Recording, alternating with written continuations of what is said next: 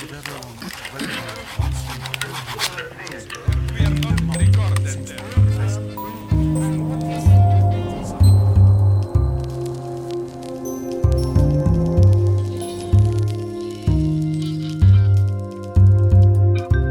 til Institut for Vild Analyses læseklub. Det her det er den anden podcast i en række af fire, hvor vi læser Asta Olivia Nordenhoffs Penge på lommen. Vi har i dag læst øh, fra side 65 til 101. Det er kapitlerne Scandinavian Star og et stort hvidglinsende skrummel. Og jeg ved ikke her fra start, så man kan sige, at det første kapitel af de to Scandinavian Star, det er jo et lidt specielt kapitel, som stikker lidt ud fra, fra resten af bogen. Er der måske en af jer, der har lyst til at sige lidt om, hvad er det for et kapitel? Sætte et par ord på. Jamen det er jo der, hvor jeg fortælleren træder ind og har sin egen udlægning af, altså morbranden på Scandinavian Star, eller ligesom udlægger øh, det, det, den viden, der er omkring den her øh, brand og ulykke. Øhm, og det er jo, ja, altså det, det stikker jo lidt ud, det kapitel, ikke? Øhm, fordi at det er sådan fakta baseret, altså det er en opregning af nogle forskellige øh, fakta, så meget vi nu ved øh, omkring den her brand, øh, og hvad vi ved om sådan baggrundene, altså det der gik forud for det, hvem der ejede skibet, og hvordan altså man kan ligesom beskrive noget af det, øh, de handlinger, der, der gik forud i forhold til at, at indløse en forsikringssum og så videre. Så det er sådan, øh, det er sådan et lidt anderledes kapitel. Mm. Øhm, og også et kapitel, hvor jeg fortælleren sådan, øh, stiller sig selv lidt frem i forhold til det der med, hvad kan man egentlig vide om Altså øh, på den ene side hele den her selskabskonstruktion, der ligger bagved Scandinavian Star-ulykken, og på den anden side også noget omkring øh, finanskapitalisme og hvordan kapitalisme fungerer og sådan nogle ting, ikke? Mm. Ja, og så er det jo, er det vel også øh, måske vigtigt at få sagt, at den der Scandinavian Star begivenhed jo også er, øh, hvad kan man sige, sådan et omdrejningspunkt for hele værket, som jo ikke kun er den her bog, men faktisk øh, syv bøger, ikke? Øhm, som så alle sammen på en eller anden måde kommer til at berøre øhm, den her begivenhed. Men hvordan er det så, øh, hvordan er det så, hvad har Scandinavian Star med at gøre med vores to hovedpersoner, som vi snakkede om sidste gang, altså Kurt og, og Maggie? Det kan være, det måske er værd lige at sige øh, til det, som, som Brian sagde, at det er kan man sige, at Astrid Olivia Nordenhoff også øh, vedkender sig en vis øh, tolkning af begivenhederne af Scandinavian Star, som jo faktisk er et stadigvæk en uopklaret sag. Hun skriver for eksempel på side 83, hvis det er sandt, og det tror jeg, at branden på Scandinavian Star blev anstiftet med økonomisk vinding for øje, osv. osv. Så man kan sige, at det er i hvert fald den version af begivenhederne, som hun øh, bygger historien på, eller som hun forholder sig til, hvis det ligesom er, er øh, spekulation, som ligesom er motivet. Mm. Ja, så der er sådan en nærmest journalistisk, øh, graverjournalistisk gennemgang af, hvad der er sket, og hvem har ejet hvad, hvornår, og, og så videre. Men samtidig så er der også sådan en lidt speciel øh, fortællestil, hvor, hvor øh, altså jeg fortæller en inddrager sig selv, som du netop havde et eksempel på her, ikke? Altså, som du siger, hvis det er sandt, og det tror jeg, at branden på Scandinavian Star blev anstiftet med økonomisk vinding for øje. Så, hun, så, så det er sådan både den der sådan ret nøgterne tilgang i forhold til, hvad skete der, og, øh, og så videre. Og så er der også den der, man, man altså hun, øh, eller jeg fortælleren er inkluderet i, øh, i kapitlet, ikke? Og så bare lige for at lave koblingen til, øh, hvad har det så med Kurt og Maggie at gøre, som jo egentlig er det, den her roman drejer sig mest af alt om.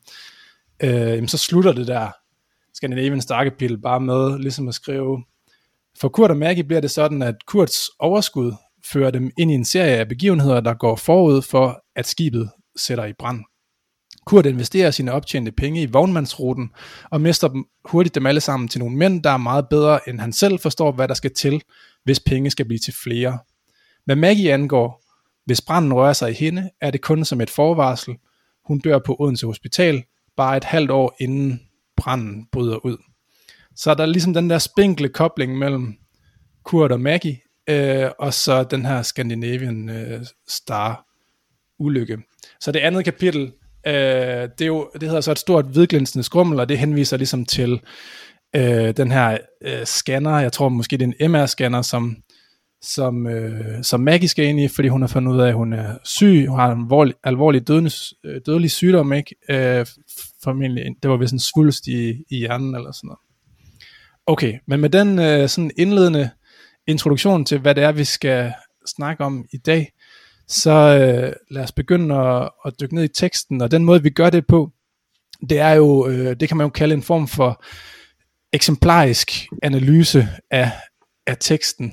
Altså vi, vi udvælger, vi har hver især til i dag udvalgt et, øh, et tekststed, som, øh, som gerne skal være eksemplarisk, både i den forstand, at det ligesom kan være et, et godt eksempel på et teoretisk begreb eller en, en idé, men også eksemplarisk i den forstand, at det ligesom er et eksempel på noget, som, som måske peger ud over den begrebet, eller ud over ideen selv, og derfor ligesom udvider vores erkendelse af nogle begreber, som kunne være kærlighed, eller kapitalisme, eller, eller hvad det nu måtte være. Okay, men lad os dykke ned i det. Den her gang så starter vi med, øh, med Brian. Vil du ikke fortælle os, hvad for et øh, eksempel har du valgt for teksten? Jo, det kan jeg da godt. Øh, jamen, jeg har valgt øh, faktisk de allerførste, øh, den allerførste øh, side øh, i, i den, den første del af det, vi har læst, altså side 67. Øhm, ja, jeg havde sådan flere ting, jeg egentlig gerne ville vælge. Det var, og der er også noget med, at de to kapitler, vi har læst, er meget forskellige. Så der, der kunne også være en masse at sige om forskellen på de to.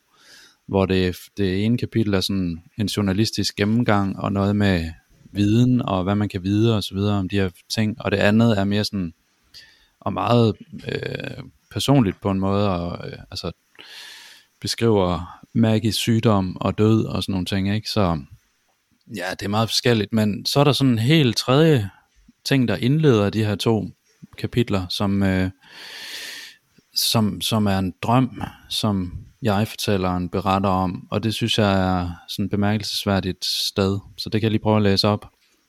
Jeg vågner fra en drøm. I drømmen var jeg restauratør på en luksusliner.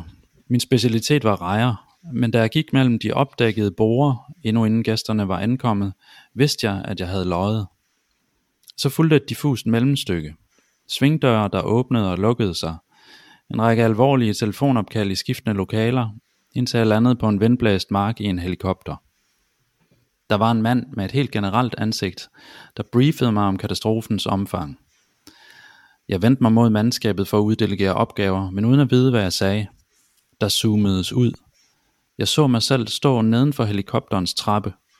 Jeg gjorde fakter, jeg så oprevet ud. Det var ikke til at høre noget for maskinstøj og vind. Det var det sidste, der var i drømmen. En udpræget følelse af vind. Ja, jeg, altså jeg er interesseret i at høre, hvad I tænker om det, fordi det er, det er jo igen sådan en, det er faktisk, det, altså det, det er jo sådan lidt et ekko af hele starten af bogen, eller begyndelsen på bogen, hvor øh, jeg-fortælleren har det der, øh, det her syn. Øh, jeg-fortælleren er på vej med bussen hen over Fyn, og ser et syn af en hvidhåret mand, der står øh, uden for den her bus og kigger ind, og får så en fornemmelse af, jeg-fortælleren her, at øh, ja, at, at, at det syn sidder i hende, og hun er nødt til at opsøge det igen, og finde ud af, hvor kommer den mand fra, og hvad drejer det her sig om, og det bliver så til historien om Kurt og Maggie.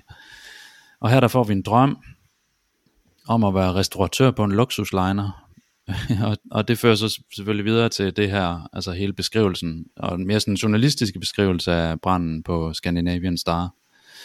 Men det er jo en sjov måde at komme ind i en fortælling på, og øh, det er en sjov kombination af det her drømmende på den ene side, og så øh, ja, det, altså så er lige præcis i det her kapitel, at det bliver sådan en meget journalistisk udlægning. Jeg ved ikke, hvad I tænker. Altså jeg tænker jo for det første, at drømmetydning er en svær disciplin, øhm, og at man, når man læser det her jo på en eller anden måde skal tænke det videre, som det forvarsel det er for, for branden og kaoset og traumet, øh, som, som på en eller anden måde øhm, rammer ned senere. Øh, jeg tænker også, at på en eller anden måde er det også en sjov indledning til, øh, til hele det her meget faktuelle kapitel, hvor, hvor der, der hele tiden er reference tilbage til en eller anden første, et førstehåndsvidende, der har oplevet nogle ting, som sætter rammen for de ting. Og det er også som om, at de der øh, faktuelle begivenheder også bliver underligt drømmende i den forbindelse. Øh, fordi at de bliver uvirkelige, de, de ligger lidt på grænsen. Altså hele det der, de der beskrivelser af selskaber og så videre, er jo også på grænsen mellem øh, et eller andet ontologisk nulpunkt. Øh, det er svært at sige, om de eksisterer eller ej. Så derfor kan jeg ikke lade være med at synes, at det er ret interessant, at hun åbner med drømmen, når hun skal faktisk til at beskrive det øh, faktakapitlet, eller ja, in lack of better words.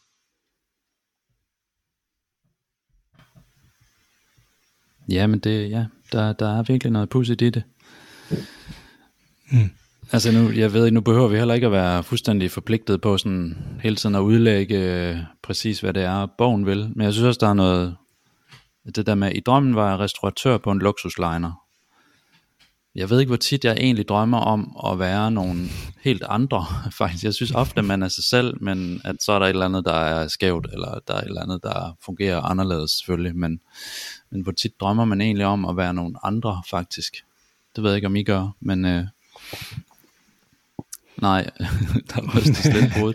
Nej, men det er også fordi, det, men det er også fordi, hvordan, fordi jeg, jeg er lidt interesseret i, hvordan filen fungerer, de her sådan passager af syn og drøm, altså som, som øh, også som en slags øh, motorer for, at forfatteren kan fortælle den her historie. Og det har også noget med hele forfa- ligesom forfa- hvad hedder det, udsigelsespositionen at gøre, i forhold til mm. fortælleren, ikke, som skal have nogle ting til at hænge sammen i den her i den her bog. Altså lige præcis både den her brand og Kurt og Maggies historie og øh, de to forskellige positioner, hvorfra Kurt og Maggie taler og sådan noget. Ikke? Så det, det er sådan en alvidende fortæller, der ved alle mulige ting, og så alligevel er der nogle ting, som også ligesom skal meddeles øh, fortælleren, altså som i et syn eller en drøm, eller Maggie skal bringes til at tale på en eller anden måde, eller så, sådan mm. nogle ting, ikke? Ja, altså jeg, jeg, tænk, jeg synes det her, den her drøm er meget interessant, fordi den placerer ligesom fortælleren anderledes, eller end vi, end vi får placeret fortælleren de fleste andre steder i den her bog. Øhm, mm, fordi, nu kan, jeg kalder hende hun, men det ved jeg ikke, om hun er. Men øhm, det her med, at hun er, hun er sådan fysisk til stede. Hun går rundt mellem de opdækkede borer. Øhm, og, så, og så det her med, at hun ved, at hun har løjet. Altså jeg, jeg synes jo generelt, fortælleren er fuld af løgn. Så det er interessant at høre hende og indrømme det selv, eller ligesom lægge mærke til det selv. Øhm, og så er det også lidt sjovt, eller jeg synes i hvert fald, det er sjovt at have rejer som specialitet. Ja, det synes jeg virkelig også. Det stusser jeg også over. Mm. Og så det med, at der kommer en mand med et helt generelt ansigt. Det synes jeg også er en sjov vending, fordi hvad, hvad er et helt generelt ansigt? Altså. Men det der, må jeg lige spørge, det der med rejer, altså ja. er det det, hun har løjet om? Min specialitet var rejer. Men da jeg gik mellem de opdækkede borer, endnu inden gæsterne var ankommet, vidste jeg, at jeg havde løjet. altså. Det tænker jeg, at det er det, hun løber om. Ja, men det er selvfølgelig ja. også en markering af, men kan du, sige, kan du lige sige lidt mere om det der med, Bodil, at du tænker, at fortælleren er fuld af løgn? Altså, fordi det synes jeg er en sjov påstand, som sådan, mm.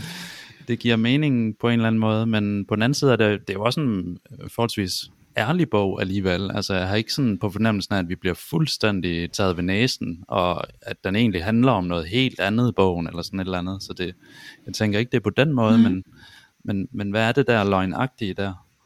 Jamen, det er fordi, at altså, øh, det starter egentlig på side 1 i hele bogen, at øh, altså, hun starter med, at det er sådan et øh, drømmesyn.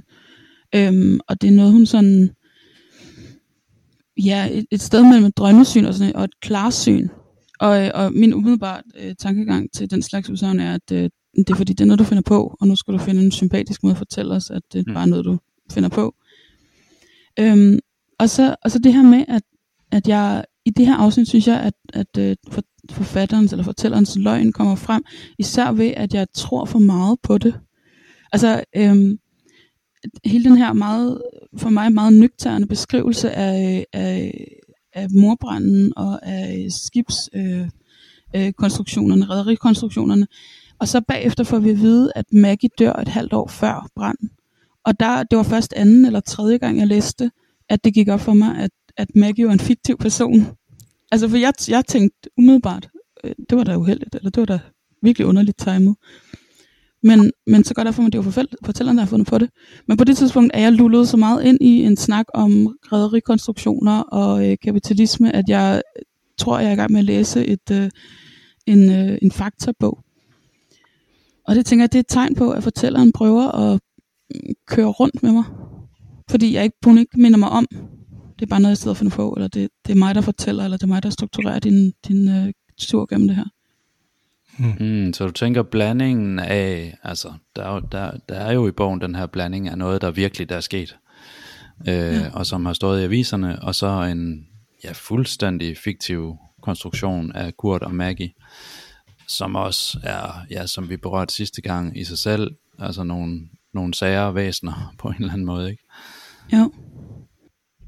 I et, øh, et interview med Information, der siger Astrid Olivia Nordenhoff, at hun har valgt branden på Scandinavian Star som, som eksempel, fordi det ligesom er et samsurium af ting, der kan sige noget om, øh, om kapitalismen, eller som ligesom er et godt, et godt billede på, på kapitalismen og på dens offer.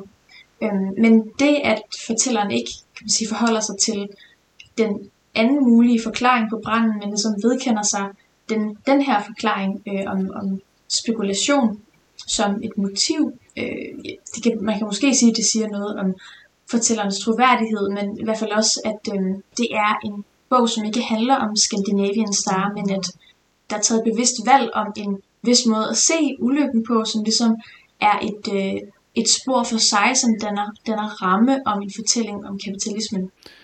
Nej, jeg tror også, jeg ser det som to forskellige undersøgelser af øh, kapitalismen egentlig, eller pengenes magt, eller hvordan vi nu skal sige det. Altså, så på den ene side den der, altså Skandinaviens Star-kapitlet som sådan en faktuel, empirisk øh, tilgang til, øh, altså et meget synligt eksempel på, øh, at, at den her idé om profit, som jo er det kapitalisme handler om, hvis man sådan ligesom skal, skal kode det helt ned, ikke? Øhm, at den, den, den, er så, den er så stærk, øh, at, at mennesker må ofre led for det, i det her tilfælde. Nogle øh, mennesker på, ja, på den her, ja, selvfølgelig øh, på, på Scandinavian Star, som jo, øh, som jo så, der er meget, der tyder på, at de påsætter branden, for ligesom at få forsikringspenge ud af det, og på den måde, altså, er det 159 mennesker, der leder livet, men, men som hun jo også skriver i det faktuelle øh, kapitel her, så, så kan man sige, det, det særlige ved Scandinavian Star er egentlig bare, at det bliver så tydeligt for os, at der er nogen, der dør, og at det er øh, hvide mennesker fra, fra vores del af verden, kan man sige, hvor at det, øh, det normale er egentlig, at der er en hel masse, der, der må lade livet øh, hver eneste dag i form af, måske de lever kortere, fordi de, hvis de skal, hvis man skal plukke det ved jeg ikke, bananer i Colombia, og man, man rører ved sprøjtegifte hver eneste dag, så går det ud over ens sundhed, eller hvis man arbejder i, i Bangladesh som sådan en, øh, som sådan en syrske, der skal sy noget af alt det tøj, vi køber i, i Vesten, så, øh, så er der ligesom skruet helt ned for, for, øh, for arbejdsvilkårene, så der er en kæmpe risiko for, at, altså det så vi for, øh, nu kan jeg ikke huske, hvornår præcis det var, men det var 2016, 15, 16, eller der omkring, at der ligesom var bygninger, der simpelthen styrtede ned, omkring hovedet på, på de her mennesker, der, der, der syr vores tøj, og som bliver solgt til H&M og alle de her brands, som vi, som vi ligesom kender. Ja. Øhm, ja, Bodil? Jamen, jeg synes bare, det er, en, det er en oplagt at tolke lige præcis de vendinger der om, at, at dem, der normalt dør i kapitalismen, eller som offer for kapitalismen, er folk, vi ikke ser, fordi de er på den anden side af jorden, eller vi simpelthen ikke tæller dem med i vores øh, forestillinger om, hvor tingene kommer fra. Altså, mm. øh, der er den helt klassiske, hvor kommer mælken fra? Hvis, den, hvis man siger, at den kommer fra konen, så har man lige udvisket hele produktions, alle menneskerne, der er ved til at producere den mælk. Øh, hvor kommer tøjet fra? Det bomuld er fra planter, ikke? Øh, væk med alle, øh, alle dem, der arbejder på tekstilfabrikkerne. Men jeg synes, der er en oplagt, oplagt tolkning i den her bog, at sige, at altså i at Kurt og Maggie er billeder på de her boende ofre for kapitalismen, fordi alle deres øh, altså alle, alle deres problemer, eller rigtig mange af deres problemer, kan føres tilbage til, at, at de er nødt til at, at, at, øh, tjene penge for at, at kunne overleve. Eller de er nødt til at have, de har ikke det levegrundlag, de burde have, for at kunne få deres øh, sociale Mm. øhm, øh, relationer til at, og, øh, at fungere.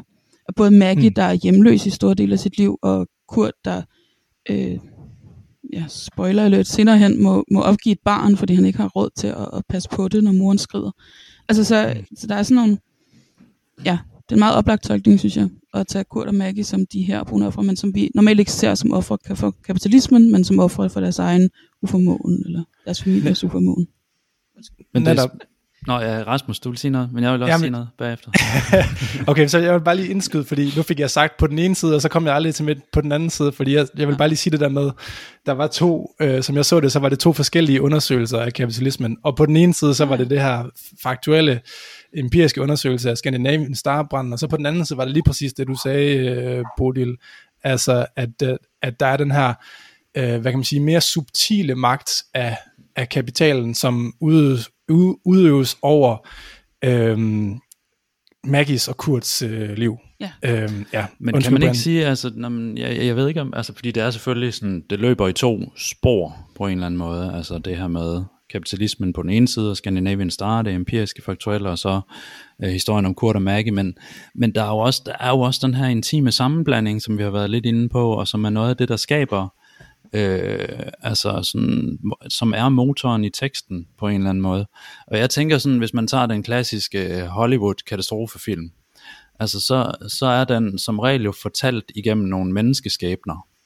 og det der gør sådan, det der gør, at vi kan holde ud og se på det på en eller anden måde, øh, det der sådan gør, at det kan blive til en Hollywood-film, det er, at der er de her personlige skæbner, og der er måske en kærlighedshistorie undervejs, der bliver, alt går øh, galt, og en komet rammer jorden og alt muligt, men der er nogen, der finder hinanden, øh, og der opstår nogle tætte menneskelige bånd på en eller anden måde, ikke?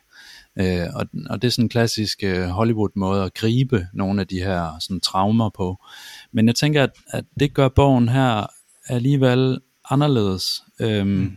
Altså, og det, det er jo et eller andet med, hvordan de to forskellige øh, begivenhedsforløb sådan blander sammen, og ikke blander sammen på nogle måder, fordi som Bodil sagde lige for lidt siden, jamen Maggie dør et halvt år før den her brand bryder ud, så, så hun bliver ikke sådan en skærm, vi kan opleve det igennem, vi får bare en fornemmelse af, at hun øh, har været sådan i udkanten af det, øhm, øh, og alligevel altså, er hun ikke øh, sådan på den måde noget, vi kan bruge til at forstå det sådan direkte igennem. Så det bliver sådan lidt underligt. Kurt investerer sine penge i vognmandsruten og er direkte sådan på en måde, eller selvfølgelig ikke direkte, men sådan indirekte af mange forskellige øh, omveje medskyldig på en måde i, at det gik som det gik. Ikke? Så det er sådan, altså de, de to øh, spor kommer til at skure imod hinanden på en måde, som er mere interessant end den, sådan den klassiske Hollywood sammenlæsen, direkte sammenlæsning af de to spor. Mm. Jamen det er jeg meget enig i, og det bliver jo også en form for, hvad kan man sige, fiktiv sådan historieskrivning, hvor jeg-fortælleren skaber nogle forbindelser i historien, øh, som ellers ikke ville være mulige at se. Ikke? Øhm, og der var jo også, altså hvad kan man sige, her, det du læste højt, Brian, det, var, det er ligesom jeg-fortælleren, jeg vågner fra en drøm, i drømmen var jeg restauratør på en luksuslejr og så videre. At det allerførste bogen starter med, det var, jeg var med bussen på vej et sted hen på Fyn, og så er der ligesom, så melder, melder der sig den her, øh, hvad det, det her syn af, som så nok øh, viser sig at være, være Kurt og hans gård og så videre, ikke? Så det er ligesom, øh, jeg-fortællerens øh, forbindelser mellem det her syn, som melder sig, som vi snakkede om sidst, som, som jo sådan nærmest sådan øh, insisterende melder sig på den ene side, og så på den anden side den her øh, øh, tilskyndelse til at lade, lade Maggie tale, altså lade hende få ordet og fortælle Maggie, jeg lytter, og så måske næsten for det tredje også, altså det her med drømmen, så, altså drømmen om at være på en luksuslejner og være restauratør, som så også laver koblingen til Scandinavian Star, en kobling, som ligesom vil være svær at lave øh, ellers. Ikke? Jo, og så er det det der med, at tra- et traume kobles med et traume, altså modsat i Hollywood-produktionen, at et traume kobles med en fantasi om, at vi skal nok klare den, eller der kommer i det mindste en kærlighedsforbindelse ud af det. Altså her er det kapitalismens traume, der kobles med kærlighedens traume. Og øh, på den måde sker der en eller anden form for kortslutning, også fordi vi forventer på en eller anden måde, at, at, vi, skal, at, vi, at vi får noget at forstå det igennem. Og jo, vi får nogle brikker til at forstå Kurt, og vi får nogle brikker til at forstå Maggie, men vi får også en masse sådan, hvorfor misforstår de hinanden på den måde? Hvad var det, der gik galt? Og altså, vi bliver hele tiden lige opmærksom på, altså alle de der små ting, der skurer hele tiden, ikke? Og det er den der skuren, og også imellem de to traumer, så at sige, ikke? Der, der giver spændingen i bogen, synes jeg. Mm. Ja, og det sjove er jo også det der med sådan, i Hollywood-filmen, så hvis der er sket noget faktuelt i en Hollywood-film, om det så er Titanic, så skal det ses igennem brillerne af den der kærlighedsfantasi. Øh, øh, mm. Og det, der bliver så mærkeligt, er jo så også, at det på en eller anden måde gør, altså alt andet lige gør begivenheden ret levende og indlevende, ikke mindst. Eller sådan. Men, men det er som om, at den måde, hun så fortæller de her begivenheder på om Scandinavian Star, der ligger de dødt tilbage, som sådan noget, øh, som sådan noget materiale, sådan en, sådan en, en død øh, masse af begivenheder, vi ikke kan gøre noget ved, de er bare sket. Øh, vi må forholde os til dem. Og det er sådan noget, altså de, de ligger tilbage som en eller anden betydning, vi ikke rigtig kan sætte ord på længere. Øh, og det er jo så, så det er mere sådan en parallelitet mellem det individuelle trauma og det kollektive, mere end det sådan er en, en genoplevning af. Og det synes jeg bare er en ret sjov måde at øh, mm. sætte forskellen op på. Mm. Lad os runde øh, det her eksempel af, og så bevæge os videre til øh, eller Vil du ikke øh, præsentere dit eksempel, hvad du har valgt fra teksten til i dag? Jo, jeg har valgt et øh, stykke, der starter nederst på side 82. Og øh, jeg tænkte i forhold til, at Astrid Oliver Nordenhoff ligesom, ligesom har erklæret i, os i interviews, at øh, den her bog ligesom er en, en antikapitalistisk bog, at der måtte være nogen, der ligesom øh, tog det her stykke øh, i midten af bogen. Og øh, det lyder sådan her. I Oslo er der rejst en mindesten for ofrene for mordbranden på Scandinavian Star, men intet sted i Skandinavien er der rejst en mindesten for de tekstilarbejdere, som var ofre for fabrikssammenstyrtninger i Bangladesh og Kambodja. Heller ikke selvom det også var skandinaviske selskaber, der holdt fabrikkerne i gang, indtil de styrtede sammen.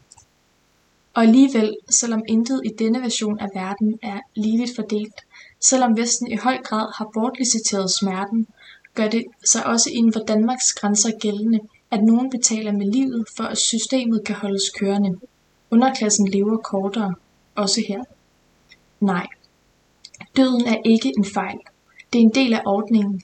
Når en hel landsby får kraft, efter at have arbejdet med sprøjtegifte i en amerikansk bananplantage, var det måske ikke ligefrem sygdommen og døden, der var formålet, men det var et offer bananselskabet var villig til at gøre fra starten.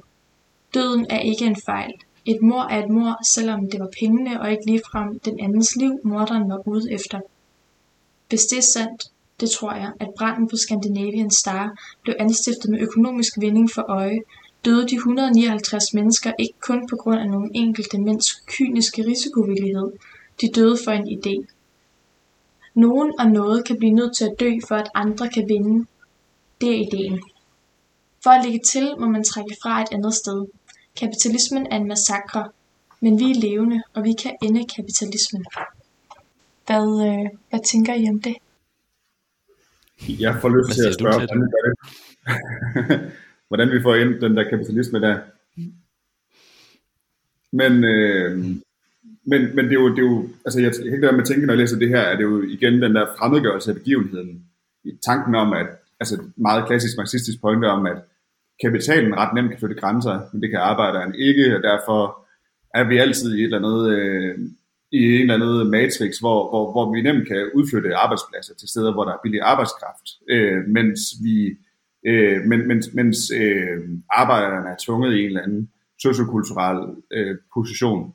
Øh, og det er, jo, det, er jo, det er jo sådan ret klassisk, og måske også eller ikke det, det mest spændende, fordi det er svært at komme ind i sådan en betydning. Altså, det, for det leger jo måske også mere med, med betydningen af, hvad det er for, øh, for os, det her kollektive trauma omkring Scandinavian Stark gør. Det, det, det bliver lige pludselig tæt på for os, at der faktisk også er en, øh, en væsentligt forskellig levestandard i det danske land eller i de nordiske lande, øh, hvor vi altid er vant, på, vant til, at øh, de der, øh, at udliciteringen af arbejdskraften øh, danner ramme for vores vilkår, ikke? Med valget af Scandinavian Star, Scandinavians som Titanic som rammen om den her øh, fortælling, så kunne det godt måske tyde på, at Nordhoff ønsker, at bogen skal nå bredt ud. Altså det er sådan en fortælling, som mange øh, måske kender. Og ikke kun læses af en lille skare universitetsuddannede øh, mennesker med en disposition, kulturel kapital, og måske også kendskab til dansk litteratur eller dansk digtning. Øh, men samtidig er det ikke nogen sådan 50 Shades of Grey eller en eller anden øh, et krimiroman, eller sådan ligesom noget let spiseligt. Altså for eksempel den her ret uplacerbare øh, fortæller, og også synes jeg sådan tekstens tone, tror jeg godt kan gøre bogen forholdsvis utilgængelig, eller øh, måske indeholde nogle ikke så nemt forbejdede elementer, øh, som hvis man ikke er vant til at læse øh, litteratur. Og i så fald, så kan det godt være, at det, det ender med at være en antikapitalistisk analyse, som kun bliver læst af en lille gruppe kulturintellektuelle, som, som måske kan føle sig lidt edgy over, at de har læst en bog, hvor der står sådan noget som kapitalismen er en massakre. Øhm, hvis Astrid Oliver Nordenhoff mener, at kapitalismen er en massakre, og hun ønsker at gøre op med kapitalismen, så kan jeg undre mig over, at hun ikke for eksempel har valgt at lave en, en tv-serie. Måske skulle hun være med til at lave den øh, tv-serie, der ligger på DR, eller noget i den retning. Mindre hendes strategi er at, at radikalisere nogle, øh, nogle universitetsuddannede mennesker med adgang til medierne. Jeg tror ikke nødvendigvis, at det vil være en dårlig strategi, og hvis det er det, der er målet, så tror jeg også, at det måske til en vis grad er, er lykkedes, måske ikke at radikalisere men i hvert fald at få startet en samtale. Jeg har i hvert fald hørt øh, i hvert fald to andre podcasts, som har talt om bogen og har, øh, er gået ned i de her spørgsmål omkring, hvordan øh, økonomi eller kapitalisme øh, fylder for, for Maggie og Kurt, og det kunne være spændende at se, om det er noget, der også kommer til at om den her bogs øh, aftryk måske også kommer til at være, at man i højere grad kommer til at lave nogle nogle øh, økonomiske analyser af, af andre, øh, andre litterære værker. Det synes jeg kunne være interessant. Men jeg er ikke sikker på, at det er det, der kommer til at, øh, at afskaffe kapitalismen. Men der er selvfølgelig også seks bøger igen i den her serie, så lad os se. Jamen, jeg, jeg synes virkelig, du har sagt nogle fine ting der, eller om hvordan man ligesom kan tænke lidt over, hvordan den, den fungerer, den her bog, og, og hvilken effekt øh, den vil have, og hvordan at man kan skrive i dag, altså som du siger, kapitalismen er en massakre og sådan nogle ting, hvordan det kan fungere. Altså jeg, jeg tror, jeg svinger lidt mellem at og, altså sådan tænke bogen på to måder. Nogle gange så tænker jeg, at det er et meget sådan pædagogisk valg af hovedeksempel, altså Scandinavian Star, øh, i den forstand, altså sådan næsten øh, Bertolt Brecht-agtig. Nu skal vi se øh, et klasseeksempel på, hvordan kapitalismen fungerer. Og det tror jeg, det er et eksempel, som, kan, som har, allerede har en bred udbredelse, og som er blevet diskuteret. Der har været den her dokumentarserie, som du henviste til, eller som har gjort, at sagen er blevet åbnet op på ny, på ny så vidt jeg har forstået. Øhm, og det kan man få alt muligt, altså det kan man få alle mulige diskussioner ud af, og spekulation og øh, svindel, og, som fører til menneskers lidelse og død og sådan noget. Ikke? Altså der, den har sådan et, et øh, eksemplet har en tyngde, som vil kunne række ud på en eller anden måde. Øh, om, om det så bliver for meget, eller hvordan og hvorledes, det ved jeg ikke. Men der er i hvert fald den der, nogle gange tænker at det sådan er et pædagogisk valg af, af sådan et hovedeksempel and, og som vil kunne fungere fint. Andre gange så tænker jeg, at der, at der måske også er en sådan et, et ekstra drej på skruen i forhold til kapitalismekritikken. Altså at, at bogen også gerne vil prøve at gøre noget andet og noget mere og noget ekstra. Og jeg så, nu bliver det sådan en helt klassisk øh, sammenligning med Marx som marxistisk kritik, men jeg så og tænkte på, altså Marx har jo ikke, altså den, den her sammenhæng mellem kapitalisme og død, som vil være utrolig stærk på en eller anden måde at få bragt frem, og som, som har noget kraft i sig, det tror jeg virkelig den har. Men jeg sidder og tænker på, at sådan har, sådan, sådan har Marx øh, jo egentlig aldrig analyseret kapitalismen. Han taler for eksempel om kapitalismen som en vampyr, og en vampyr øh, suger blod af sit offer, men skal helst også have offeret øh, til at være nogenlunde i live, for at der, der kan komme nyt blod og suge. Øh, så det vil sige, offeret eller arbejderen i sådan den klassiske kapitalismeanalyse bliver udbyttet. Ikke? og det vil være en analyse af, hvordan udbytning foregår, hvordan man skaber mere værdi, hvordan varerne øh, cirkulerer og fungerer og sådan nogle ting, og også med et, et fokus på, hvordan vi altså hvordan arbejds, øh, arbejderne reproduceres og fastholdes i en ideologi på en eller anden måde, ikke? Øh, hvis man kan tænke på en, en film, som illustrerer noget af det, The Matrix for eksempel, den gamle sci-fi film, hvor man fastholdes i sådan en eller anden fantasi om, at det hele hænger sammen, selvom det ikke gør det. Øhm, her, her er der noget andet på spil, fordi her går vi direkte til nogle beskrivelser af, hvordan kapitalisme og død hænger sammen. Altså at kapitalismen, altså det er, en, det er ikke nødvendigvis døden, der er formålet, men det er en fuldstændig kalkuleret risiko, at så og så mange må dø. Og det, jeg synes også, det peger på en overgang i forståelsen af altså global kapitalisme, hvor det ikke bare er sådan mere, at der er arbejdere, der bliver udbyttet, og det er så det revolutionære subjekt, det er, der, det er deres position, vi skal have skrevet frem. Nej, det er også sådan, at der er en kæmpe, altså øh, en, enorme mængder af folk, som ikke engang bliver udbyttet, men som egentlig, altså hvis de kan være så heldige at få et job på en fabrik, som er lige ved at styrte sammen, øh, så, så, altså, så bliver de nødt til at, så er det deres chance på en eller anden måde, ikke? Så de bliver, altså det er ikke engang, man kan næsten ikke engang tale om udbytning, fordi at øh, jamen det, det kan gå så galt, at de er døde i morgen, ikke? og så kommer der nogle andre. Der, der er for mange, der kan udbyttes til, at dem, der bliver udbyttet overhovedet, har muligheden for at være i en kapitalisme, hvor de også bliver reproduceret, så at sige. Ja, så det ved jeg ikke. Altså, at måske gør bogen flere ting på samme tid. Mm. Undskyld, det var alt for langt. Nej, det var, det var så fint. Jeg, jeg, jeg tror, jeg i forlængelse af det, du siger, Brian, øhm, det er lang tid siden, jeg har læst Marx, men jeg husker det som om, at, at der også er nogle, øhm, i hvert fald den her idé om, at, at øh, en del af overgangen fra det feudale samfund til det kapitalistiske samfund er, at, at det, hvor det før har været den, der ligesom øh, ejede arbejderne, eller havde, altså, øh, må også sige, hvis, altså, jeg, jeg er ikke historiker, så det ved jeg andre bedre end mig, men altså, øh, øh, en slaveejer har ligesom øh, ansvaret for, at slaverne overlever. Øh, men i kapitalismen har alle individuelt øh, ansvaret for at overleve, eller ansvaret for, at ens nære familie overlever. Øh, så jeg tænker egentlig, at der er noget sådan, der er noget med kapitalismens forbandelse i, at de mennesker, der, der går på arbejde på en fabrik og dør, de har selv ansvaret for ikke at tage på arbejde hvis de mener, at det er, at, at, at de kan dø af det. Øhm, og jeg ved godt, det, det er meget hårdt, og det er, ikke, det er selvfølgelig ikke min holdning, men, men jeg mener bare, at det, det, det er sådan en, det, det det individuelle ansvar, de sådan får af det økonomiske system. Og samtidig så er de jo enormt, på en eller anden måde også ret gode kapitalismeborgere, altså at gå på arbejde uanset hvad. Øhm, og øh, altså, giver det mening? Jeg tænker, at de, sådan, de deltager i det her system, øh, på en måde, som vi normalt ikke ser, at, øh, at, at det, den er både, du ved, den slår både folk ihjel, og giver dem selv ansvaret for det. Mm. Øhm, og så kom jeg til at tænke på, for der var både, så er der det her med, det var, det var lige hurtigt, øhm, jeg tror også, at den her bog, for mig repræsenterer den i hvert fald et opgør med sådan klassisk politisk litteratur, øh, eller politisk kunst, hvor det skal være så åbenlyst hele tiden, at nu har vi en politisk pointe. I stedet for Hollywood-filmene, som ofte bliver øh, kritiseret for at gøre personerne pro- øh, øh, problemerne personlige og private, og at tage det politiske ud af det, fordi det handler jo bare om, det er jo bare en kærlighedshistorie mellem to personer.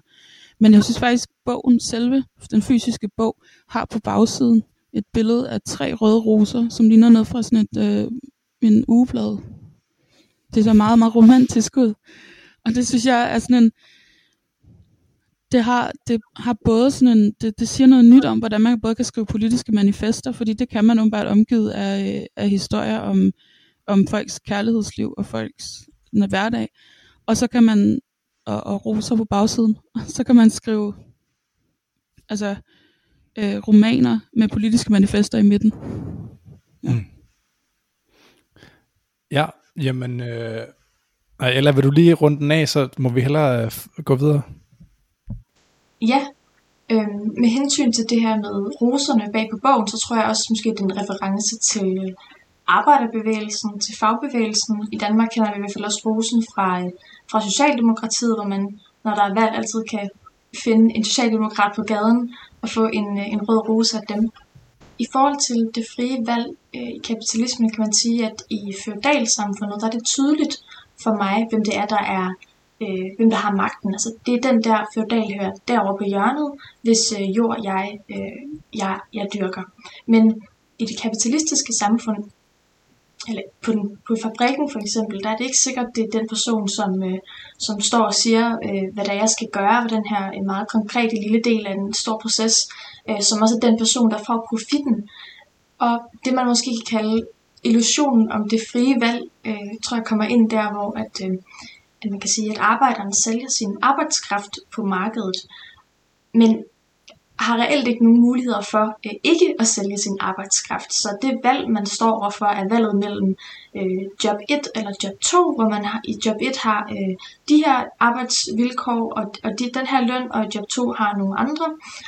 Og det skyldes, at du i det kapitalistiske samfund ikke længere som i det feudale producerer på egen jord det, der er nødvendigt for at øh, fordi det er jo det, der har været sådan velfærdskompromis efter 2. verdenskrig, ikke? Altså, der var en, mm. altså man ligesom accepterede at, at være arbejder og sælge sin arbejdskraft, til gengæld for at få velfærd og sikkerhed og tryghed og tryghed i ansættelsen og så videre, så videre nogle øh, forskellige arbejdstagerrettigheder. Og hele fagbevægelsen er selvfølgelig øh, et godt eksempel på øh, en kraft, som har virket for arbejderne ind i den der velfærdskonstruktion. Og der kan man jo også så sige, at altså her i 80'erne og, og fremad, altså der begynder det her velfærdskompromis at smuldre. Ikke? Altså det, man vil gerne have et friere reguleret marked, og Thatcher vender frem i, i, øh, i Storbritannien og Reagan og så videre. Altså der er sådan nogle, der er nogle ting, der begynder at gå i stykker i det der velfærdskompromis. Det kan ikke opretholdes mere på den samme måde. Øh, den globale kapitalisme viser sig, begynder at vise sig på en anden måde. Og det, altså det, så på den måde er der også noget, som altså, historien her placerer sig et bestemt sted i historien, hvor de her ting begynder at vise sig tydeligere. Mm. Ja. Øhm, Jeppe, vil du ikke præsentere dit eksempel, så bevæger vi os videre, selvom vi kunne sige mere, meget mere om det, tror jeg. Ja, altså på en eller anden måde vil jeg, synes jeg faktisk, det er interessant at fortsætte lidt i samme spor, måske fra en minimalt anderledes vinkel. Øh, så jeg tror faktisk, at vi bliver i det her faktakapitel lidt endnu, øh, selvom der egentlig også er det hvidglinsende skrummel, som Putcher visker. Mm. Øh, men jeg har taget sådan to små citater med, i stedet for et langt som ellers. Og det første er på side 71. Der er en tavshed, en frygt for at være dum, der sætter ind der, hvor økonomien begynder. Jeg ved ikke helt, hvilket ord, der er det rigtige at bruge. Hvad er forskellen på en virksomhed, et selskab og et firma? Er der forskelle? Er det ord for det samme? Og så på side 79 skriver hun, jeg bliver svimmel, når jeg læser om forretninger. Svimmel, når jeg læser om selskaber med overlappende ejerkredse, der køber og sælger af hinanden. Penge, som skifter og alligevel ikke skifter hænder. Og det er selvfølgelig så op af et eksempel på, hvordan hun øh, blev forvirret i folkeskolen over det matematiske, fordi hvordan forstår du de der økonomiske objekter, Øh, hvordan, øh, hvad er tallet 2, øh, hvis ikke det, det ligesom bliver efterfulgt af to appelsiner, øh, eller to æbler. Hvordan forstår du de der tal? Og det er den form for jonglering, der på en eller anden måde er den barrikade, vi står overfor, øh, som altså relativt øh, almen dødelig, ikke? Øh, jeg, jeg tænker, det er spændende, fordi at det på en eller anden måde også er det, der, der, der gør, øh, nu nævnes der jo specifikt Henrik Johansen og øh, Ole B. Hansen, øh, som, øh, som hele vejen igennem ved juridiske besvindeligheder og økonomiske, økonomisk kunde har kunnet snige sig ud af nogle situationer og lave det her system. Og min pointe er bare et eller andet sted. Jeg synes, vi skal tale lidt om, at systemet, når vi endelig taler kapitalismekritik, hvordan systemet slutter, slutter om sig selv, øh, og hvordan det er svært at lave en kritik, fordi det er faktisk ret svært at forstå, hvad forskellen er på et selskab, et firma og så videre. Hmm. Eller? i forlængelse af det, som Brian har nævnt med, med Hollywood-film, så kan man sige, at der i, i Hollywood-film måske også er sådan en meget en tydelig protagonist, som ligesom forstår sin verden, som har en klar fjende, et klart mål, og som også har en agent, som, som handler i verden, øhm, hvor man kan sige, Kurt og Maggie, de, de har ikke så meget gens. eller de, de sidder ligesom fast i verden, som en, en verden, som de ikke rigtig kan forstå, og en, som hele tiden overhaler dem indenom, eller sådan. Øhm, Sidste gang havde vi eksemplet med Kurt, som, som godt ville investere sine penge i fremtiden, øh, og på den måde ligesom genstarte sit liv, eller måske få en form for syndsforladelse. Øh, men så kommer fortælleren ligesom ind i, i afsnittet efter og punktere hele den her drøm ved at sige, at, øh, at der er nogle, nogle, det, som han har investeret pengene i, det er den her vognmandsrute, og der ligesom er nogle mænd, som har snydt ham, som øh, jeg tror formuleringen er sådan noget med nogen, der der ligesom vidste mere om, om, hvordan man kunne få penge til at vokse en kurt. Øhm, altså, de lever ligesom i en, øh, en, en uvidenhed øh, på en på en helt anden måde, end for eksempel øh, den klassiske jeg ved ikke, Hollywood-figur gør. Eller sådan, de, de forstår ikke deres verden, og forstår heller ikke, øh, øh, hvordan de skal handle på den rigtige måde. De famler meget rundt. Øh, og det er måske også, kan man sige, en måde, hvorpå at, altså Olivia Nordenhoff ligesom øh, forsøger at fortælle os om, øh, om det økonomiske system, som er, er stort og, og forvirrende, øh, måske særligt om, øh, om hvordan øh, ja, dominansforhold øh, er, øh, er forvirret og, og gemt væk på al, i alle mulige forskellige øh, ejerskabskonstruktioner øh, i, i de kapitalistiske samfund. Mm. Så må jeg ikke bare lige tilføje også, øh, at det, som du har valgt her, Jeppe, på en eller anden måde også taler ind i, nu har vi, nu har vi snakket om, om Marx, og, og på den tid, han analyserede, så, øh, så det jo helt anderledes ud med, med ejerforholdene, så man, når man netop snakker om, om de her overlappende ejerkredse, som jeg fortæller også gør her, så er det jo virkelig noget af det, der der adskiller kapitalismen i dag fra, fra den på, på Marx's tid. Ikke? Så, så på Marx's tid, der var der ligesom den, som, dem, som havde produktionsmidlerne, det var kapitalisterne, øh, arbejdsgiverne, og så dem, som ikke havde kap- øh, produktionsmidlerne, undskyld. Øh, det var arbejderne eller proletariatet, som ikke ejer andet end deres arbejdskraft, og der så, derfor, som vi har snakket om, er nødt til at, at sælge deres arbejdskraft for ligesom at, at, at overleve øh, overhovedet. Ikke? Øhm, og der begynder jo, der sker jo nogle, der sker jo nogle vilde ting her i, øh, ja, mås- måske tidligere, altså nu er jeg heller ikke så godt, øh, men der, i hvert fald sker der noget med finanskapitalismen, øh, som vi har snakket om før i 70'erne og, og 80'erne, med den her form for, for, for ejerskab. I hvert fald kan man jo sige, at øh, øh, i dag er det meget mere komplekst spørgsmål, øh, hvem, hvem der ejer hvad, og selv en arbejder i, i Danmark, som vi jo faktisk også har snakket om, er jo øh, langt, langt øh, bedre stillet end en arbejder i, i Bangladesh for eksempel. Altså man kan jo leve et rigtig øh, flot middelklasseliv og, øh, med computer og iPhones og, og så videre, så videre, som alt sammen er betinget af, som, som det her kapitel jo egentlig også peger på, alt sammen er betinget af, at der er nogen, der arbejder et andet sted i verden for en forfærdelig løn og til, under nogle forfærdelige øh, arbejdsvilkår. Øhm, så på den ene side, så arbejderpositionen kan ligesom er kan, kan differentieres på forskellige måder, men også kapitalistpositionen kan også differentieres på forskellige måder. For eksempel så er der jo mange af os, der ligesom betaler ind til vores egen pensionskasse, som også investeres i en, i en masse ting, ikke? så på den måde, så, har, så, så som, selv som arbejder, så, så er vi jo med, medejere af en masse øh, aktier og investeringer og, og så videre, så, så det stiller os ligesom i en virkelig svær position, som er det, som den her jeg fortæller, øh, ligesom også øh, øh hinder til her, ikke? at det, det er virkelig svært at, at, at kritisere og, og analysere kapitalismen i, i dag, fordi vi, vi, er, vi, er, vi står i den på sådan en mystisk måde, ikke? Øh, eller en svært gennemskuelig måde. Ja, Brian? Ja, men altså, det er jo det der med, at vi alle sammen i dag, altså middelklassen i, øh, i Vesten er kapitalister, altså fordi vi har investeret. Vores penge står i pensionsfonde, som investerer. Øh, vi har pengene stående i banker, som investerer, og så videre, så videre. Så altså hele markedet, eller hele økonomien er på den måde finansialiseret. Altså man investerer ikke i øh, ligesom øh, nye maskiner og mere i løn, man investerer i finansielle produkter, fordi man tror, de vil stige på markedet, og det vil sige, at mm, det, det er ligesom markedet, der har en ny øh, fu- og fuldstændig reel i øvrigt sådan øh, indvirkning på, hvordan vores øh, hverdag bliver, bliver skruet sammen. Og derfor er det sådan, på, vi er i systemet på en, på en dyb, infiltreret måde, men samtidig på en fuldstændig uoverskuelig måde i en vis forstand, ikke? Øh, og der tror jeg også bare, at, at det som det handler, altså jeg synes det er en fantastisk sætning, det der med, der er en tavshed, en frygt for at være dum, der, øh, der sætter ind der, hvor økonomien begynder.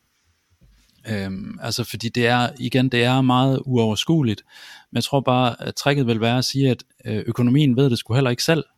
Altså var øh, lige præcis øh, finanskrisen i 2008 ikke også et eksempel på, at at økonomien ved det faktisk ikke selv. Altså alle de her underlige subprime lån og forskellige øh, finansielle produkter, som bankerne udbød til hinanden, sådan som man kunne få almindelige mennesker til at låne penge i deres hus, sådan så til sidst hele økonomien blev fuldstændig undermineret. Altså økonomien vidste det ikke engang selv, hvad i alverden den, den havde gang i, og på en måde er det sådan, at, at det vil være at traversere fantasmet om, at økonomien ved det. Altså, det, det er der, vi skal hen på en eller anden måde, ikke? Og det kræver måske, altså jeg synes, der er noget meget ærligt i den måde, sådan fortælleren prøver at, at stille sig selv en smule uformående over for det her, men så alligevel sige, men jeg vil, altså jeg vil på en eller anden måde prøve at få greb om det her. Øh, og måske er en af midlerne det der med at, at finde ud af, hvordan økonomien heller ikke selv ved det. Hmm. Jeg kommer til, til, altså ud fra det du siger nu, kommer jeg til at tænke på, øhm, på en sådan metaforisk analytisk pointe, som Zizek kommer med i Less Than Nothing, omkring øh, hvordan vi kan forstå de her underlige økonomiske midler og objekter. Han har en sammenligning med, øh, med de her, øh, med, med, med, med, hvad penge er i det finansielle system, øh, sat op på, hvordan man kunne forstå elektronet i kvantemekanikken. Hvor det først, det er når øh, det, det er elektronets fart, der gør, at det har masse. Altså det gør, at det eksisterer. Så altså i princippet, hvis du altså, stopper elektronet, så vil det stoppe med at eksistere. Øh, og den parallelitet kan jeg ret godt se i det her. Altså det, det er de her lukkede markeder, der, hvor det er selve momentum og selve bevægelsen, der skaber objektet. Og apropos finanskrisen. Når først vi, der er en lille stopklods for den bevægelse, så falder hele systemet fra hinanden. Det stopper simpelthen, eller det falder ikke fra hinanden, det stopper simpelthen med at eksistere. Øh, mm. Og det er ret interessant i den her sammenhæng, også fordi, at økonomien er abstrakt, men, men, men, men det, det er måske, det skal måske læses endnu mere bogstaveligt, at økonomi er abstraktion. Mm. Ja. Øhm, godt. Jeppe, lad os øh, bevæge os videre til øh, Bodix, Bodix Bodils, undskyld, Bodils eksempel fra øh, teksten. Vil du ikke præsentere det for os? jo, det vil jeg. Øhm, jeg har faktisk valgt øh, det samme sted som, øh, som Jeppe. I hvert fald startstedet. Øh, det med tavsheden. På, på side 71. Øhm, bare den første sætning, hvor der står, der er en tavshed, en frygt for at være dum, der sætter ind der, hvor økonomien begynder. Og så har jeg valgt at holde det op sammen med et citat på side 80, som ligesom er det sidste i afsnittet. Jeg tror det, jeg ved ikke om det samme med samme afsnit, men der står, jeg ved godt, at det er en af forretningsmandens virk, virkemidler. Det er hans triumf, at han opererer på et sprog, der kalder til tavshed. Hans triumf, at jeg tror, at jeg er dum. Øhm, det ligger jo, det, det, er jo, det, er jo, det er jo det, vi lige har siddet og talt om Øhm, også det her med, at hun siger, at, øhm, øh, at regnelæreren, der går i gang med nogle bolde i et kar, og så lige så snart det kommer op som tal på tavlen, så bliver det uvirkeligt, fordi hvad er fire, hvis det ikke er fire af noget? Og, øhm, og det er vel det, hun gør med de her mennesker. Hvad er mennesker, hvis det ikke er, altså, det er fire mennesker, eller det, men, men det bliver ligesom, hun gør det til konkrete mennesker. Øhm, og så, ah, jeg har tænkt over den her tavshed, fordi øh, jeg måtte læse øh, øhm, det stykke, vi læste til i dag, altså fire gange eller et eller andet, for ligesom at, at, at slå mig fast på, hvad jeg skulle vælge. Jeg synes virkelig, det var svært at finde øh, ud af, hvad der var mm, et sted, der var sådan sigende for, hvad jeg tænkte, da jeg læste, læste det som helhed. Øhm, og jeg tror, det var derfor, jeg valgte den tavshed, fordi jeg også selv blev gjort tavs på en måde af den måde, teksten var, øh, var øh, struktureret. Øh, og så var jeg meget forundret over, at hun, hun siger, jeg kan ikke tale om det, og så kommer noget, nogle af de klarest formulerede afsnit i hele bogen. Og så bagefter, så siger hun, så, når, så taler hun om Maggies død, og så skriver hun, at, at, øhm, at lige før Maggie dør, der, der forsvinder hun ind i sådan en tankeverden, som fortælleren, fortælleren ikke kender. Men, men det kan hun godt skrive klart. Altså så det der med, der kommer hun helt åbenlyst til kort, og det kan hun godt, det siger hun bare, uden nogen problemer. Og så har jeg tænkt, mellem, mens, I, mens vi har siddet og talt her, har jeg tænkt, at det, det er vel det, det skal, det der, det der afsnit om, øh, eller de afsnit om Scandinavian Star, om kapitalismen, om øh, konstruktionerne af selskaber. Det, det er sådan løsrevet i bogen, men det er også sådan, det er i vores liv. Det er sådan, det er sådan noget, vi læser om. Det er ikke vores hverdag. Det er det der sådan fremmedgjorte, øh, vi går ind i et andet sprog, og vi er nødt til at have et andet sprog for at forstå det, for at overhovedet kunne tale om det. Vi kan ikke tale om det med vores hverdags. Nå, så var der ham der, manden der, og han var, altså, altså der, vi, kan ikke, vi er nødt til at have øh, fakta på.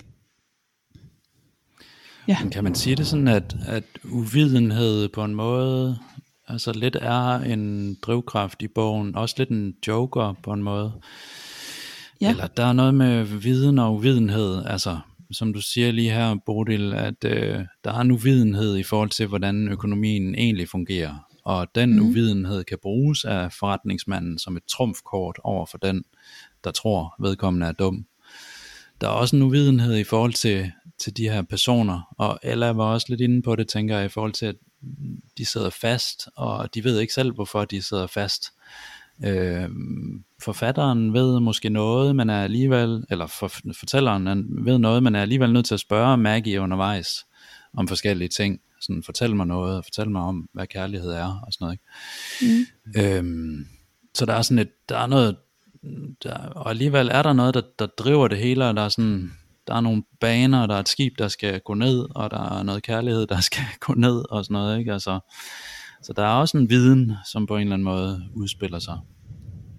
Det er måske bare, altså der er måske noget tragisk over det, i den forstand, at øh, der er nogle ting, der, der udspiller sig, og dem, der gør det på samme tid, ved det godt, og ved det ikke, eller noget af den stil, ikke? Mm. Ja, det ved jeg ikke, det var lidt noget, jo, jo. bare sådan et forsøg på at tage lidt ind i det der med uvidenheden, som sådan en, en sjov faktor. Ja, der er også helt klart nogle sfære, vi tror, vi ved noget om, og nogle sfære, vi tror, vi ikke ved noget om. Og, og det passer øh, ikke, ikke så tit, som vi i hvert fald går og tror det. Mm. Altså vi går og tror, at, at økonomi er øh, svært og uforståeligt og uopnåeligt for normale mennesker at, at forstå. Men at, øh, øh, altså, jeg er uddannet folkeskolelærer. Jeg skulle hilse at sige, at der er rigtig, rigtig mange mennesker, der tror, at pædagogik, det er bare sådan noget, det er bare sådan noget, alle ved. Det er, der ikke, det er slet ikke noget, man kan, sådan, man kan sådan, øh, øh beskæftige sig med i længere tid. Og, øhm, men og, og jeg, ved, jeg tror også, der er mange, der sådan forestiller sig, at kodning er også utrolig svært. Altså sådan, sådan nogle, lige snart det bliver sådan teknisk, øh, øh, så tror folk, det er meget sværere end psykologi og noget med mennesker. Og... Mm. Ja. Ja. M- må jeg gå videre til, er nogen, der vil tilføje noget, eller må jeg gå videre til sidste eksempel i dag? Alright. Jamen, så synes jeg, at øh, vi skal lige have noget om Kurt og Maggie også i dag. Nu har vi snakket øh, meget om øh, kapitalisme, og nu skal det måske handle lidt om, om kærlighed også. Øh, fordi det næste kapitel, som jo så øh, hedder, hvad hedder det, et stort hvidglinsende skrummel, tror jeg. Øh, der finder, øh, der finder Maggie ud af, at hun er, at hun er syg, og øh, hun skal så ind og undersøge og finde ud af præcis, hvor, hvor gralt det er. Og der står der så på side øh, 91 øh, sådan her. Hun har overvejet at fortælle Kurt noget. Hun har haft det på læberne, når de i tavshed har siddet over for hinanden ved middagsbordet. I morges, da hun gik af grusvejen mod busstoppestedet for at tage ind til hospitalet, stansede hun flere gange op, forestillede sig at gå tilbage og falde ham i armene, forestillede sig, at der fandtes en omfavnelse, der kunne føre dem sammen tilbage til en tid, hun ved ikke hvilken, måske snarere indstifte en ny. Hver gang rev hun sig løs fra ideen, satte i bevægelse igen, kun for kort efter endnu en gang at stanse op. I bussen kunne hun ikke holde tårerne tilbage. kilometer for kilometer fjernede hun sig fra den mand, hun for længst havde fjernet sig fra, men først nu, hvor det måske var døden, der spurgte hende, hvordan hendes liv havde været, syntes hun, at hun forstod, at hun også hele tiden havde længtes efter Kurt. Så der er noget med øh, faktisk øh, døden, som jo går igen her. Vi har snakket meget om sammenhæng mellem kapitalisme og død, ikke? og her er det også døden, der ligesom øh, jeg spurgte hende, som der står, hvordan hendes liv havde været. Og så er der også noget med hele det, altså der må, den her passage må sige noget også om forholdet mellem øh, Maggie og Kurt. Hvad, hvad tænker I, hvorfor, hvorfor fortæller hun ikke Kurt noget? Hvorfor gør hun ikke det? Ja, jeg synes, det er en utrolig smuk øh, passage, den nederste der, altså det der med, hvor det måske var døden, der spurgte hende, hvordan hendes liv havde været. Synes at hun, hun at hun forstod, og så videre. Det der med døden, der spørger hende. Mm. Øhm, men det er, det er næsten også sådan kittet smukt på en eller anden måde, men det er i hvert fald meget, øh, det er i hvert fald meget fint. Øhm, og jeg tænkte, at det der, der stod til sidst, til sidst, at hun nu forstod, at hun også hele tiden havde længtes efter Kurt. Der kommer jo noget lidt senere i bogen, som beskriver, måske er det faktisk det, vi læser til næste gang, som beskriver deres øh, kærlighedsmøde og der, den første tid i deres forhold, hvor man ligesom fornemmer, at der har været en, en form for øh, dyb sådan, intimitet og forbindelse på en eller anden måde. Men her står der sådan, det med hele tiden at have længtes efter nogen, betyder jo også, at man aldrig har haft dem, eller har været der, hvor forholdet var velfungerende, men at man hele tiden har længtes. Ja, det udtrykker sådan en distance, ikke? Mm. Øh, og en fantasi igen om, at der kunne have været det her fremragende forhold på en eller anden måde.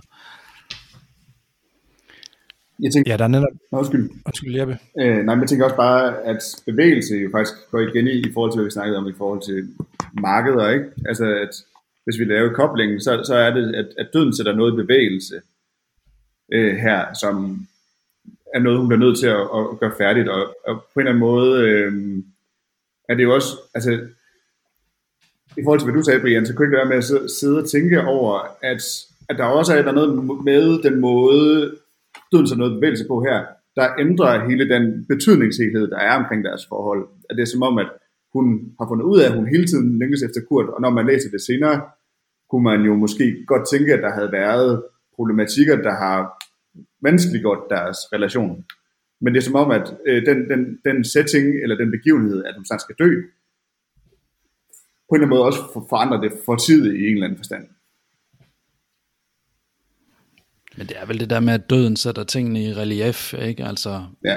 der kan, man kan have en frygt for at dø, og den kan man så, så kan man flygte, og man kan gøre alle mulige ting, men dødsangsten i sådan mere Heideggersk forstand er jo det der med, ja, men hvordan har du levet, min ven? Altså, nu, nu nærmer du dig dit endeligt, og hvad, hvad, hvad var det, du gjorde?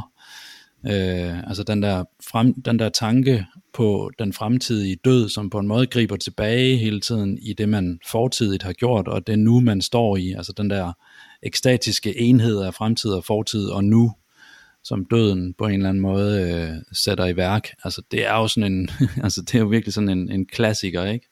Døden spørger, hvordan man har levet, simpelthen det gør den måske ikke så meget for en myg eller for en bæver. Altså der er sådan en, og det, det ved jeg ikke nu, der er mange, der er, arbejder med det her felt om, hvordan vi skal tænke dyr og sådan noget, men der er i hvert fald sådan en, der er i hvert fald noget øh, grundlæggende ved subjektet, altså, og måske ved det menneskelige subjekt, som er i stand til at stille det der spørgsmål.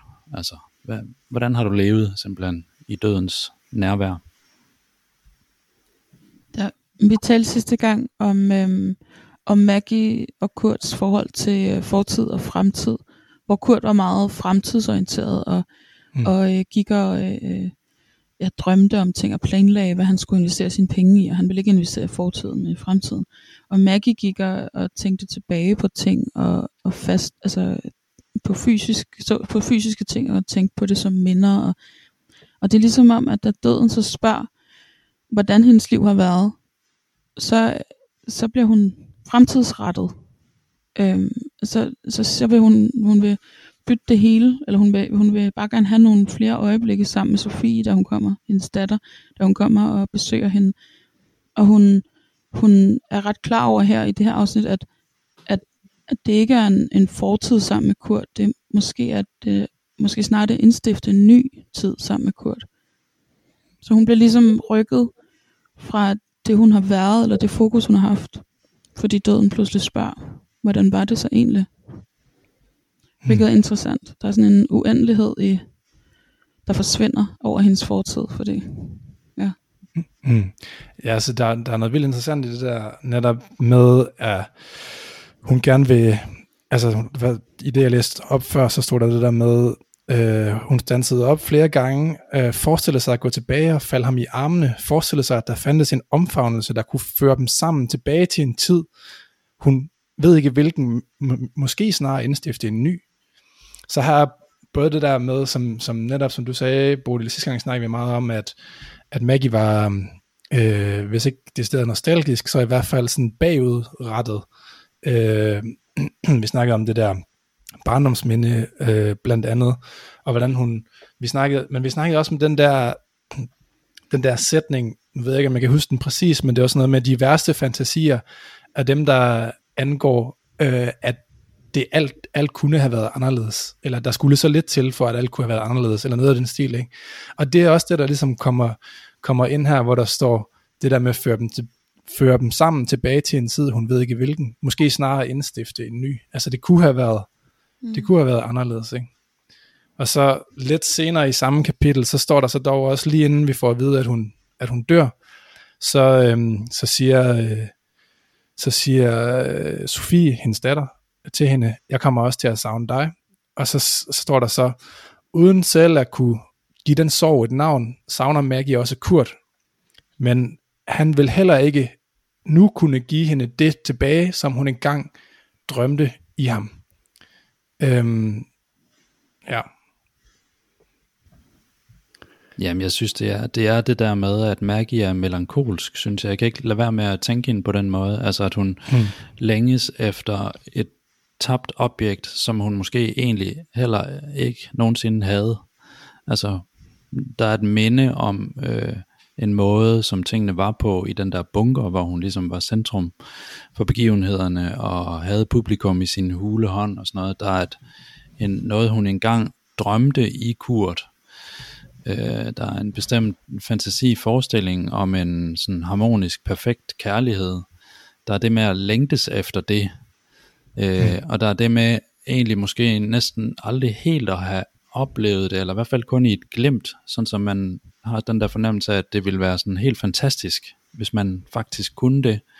Men det er stadigvæk en tilbagegribende bevægelse, synes jeg. Jeg synes også, det er den måde, at hun på en måde står lidt i modsætning til øh, sådan kapitalismens dynamik og Kurts øh, fremtidsrettethed. Altså hun er mm. sådan... Mm hun er jo heller ikke, Maggie er jo også den, der aldrig øh, har et arbejde, i, øh, eller der, der ikke kan finde ud af at have et arbejde, står der et sted. Hun, hun, hun kan mm. simpelthen ikke øh, håndtere det der med at skulle møde op og gå på arbejde, og på den måde investere sig selv, sælge sin arbejdskraft og få noget tilbage, og investere pengene og tænke på fremtiden og sådan noget. Mm. Altså hun, hun, hun, på den måde er hun sådan en slags modsætning til, øh, til den måde systemet fungerer på, men ikke en, altså ikke en særlig kraftfuld modstand på den måde, mere bare sådan en, en tabt sjæl et eller andet sted, ikke? Mm. Øh, det, der kommer sådan lidt en, en, der er sådan en tristesse over hendes øh, position, synes jeg bare.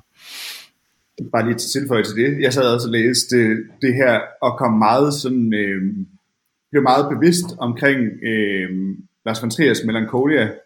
Øh, det der med, at den måde, hun har en melankoli på, men det er først, det er når døden nærmer sig, at hun på en eller anden måde får, får en eller anden øh, sindslig bevægelse og handler i en eller anden forstand. Og i til parallellen til det i Melancholia er jo også, at det første, at verden går under, at døden virkelig nærmer sig, at hoved, den kvindelige hovedperson faktisk handler og gør noget godt, bliver et moralsk menneske, indgår i relationerne igen. Det er i kraft af at se døden i øjnene, at handling kan ske for, i melankolien.